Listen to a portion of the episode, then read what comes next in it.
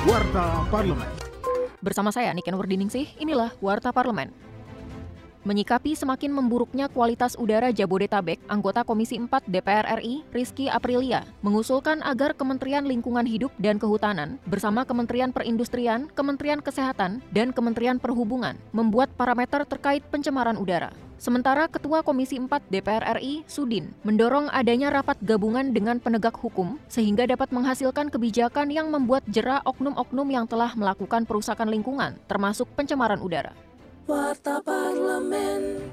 Ditemui di Kompleks Parlemen Senayan, Jakarta baru-baru ini, Wakil Ketua Komisi 4 DPR RI, Anggia Ermarini, mengatakan pemerintah harus merespon cepat terjadinya peningkatan kasus ISPA akibat permasalahan polusi udara uh, memang harus segera responnya cepat. Karena ini masalah nyawa, ini masalah kesehatan dan tidak hanya satu dua orang. Bahkan catatan dari Kemenkes ada 200 ribu. Peningkatannya hampir 40 persen dari peningkatan yang kena ISPA. Itu 40 persen. Ini harus menjadi catatan dan harus segera ada tindakan. Tentu tidak bisa hanya satu kementerian saja. Harus kita harus duduk bareng harus dicari solusi yang paling tepat gitu.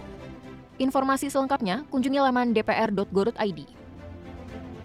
Wakil Ketua Komisi 5 DPR RI, Andi Iwan Darmawan Aras, menekankan pentingnya integrasi LRT Jabodebek dengan moda transportasi lain. Hal ini diperlukan demi menciptakan sistem transportasi yang efisien, berkelanjutan, dan memenuhi kebutuhan masyarakat. Menurutnya, jaringan transportasi massal yang terintegrasi akan mengurangi penggunaan kendaraan pribadi. Hal tersebut akan membantu mengurangi kemacetan di Jakarta, serta menjadi salah satu solusi mengatasi polusi udara yang diakibatkan asap kendaraan bermotor.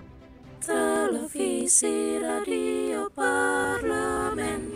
Demikian Warta Parlemen, Produksi Televisi dan Radio Parlemen, Biro Pemberitaan Parlemen, Setjen DPR RI.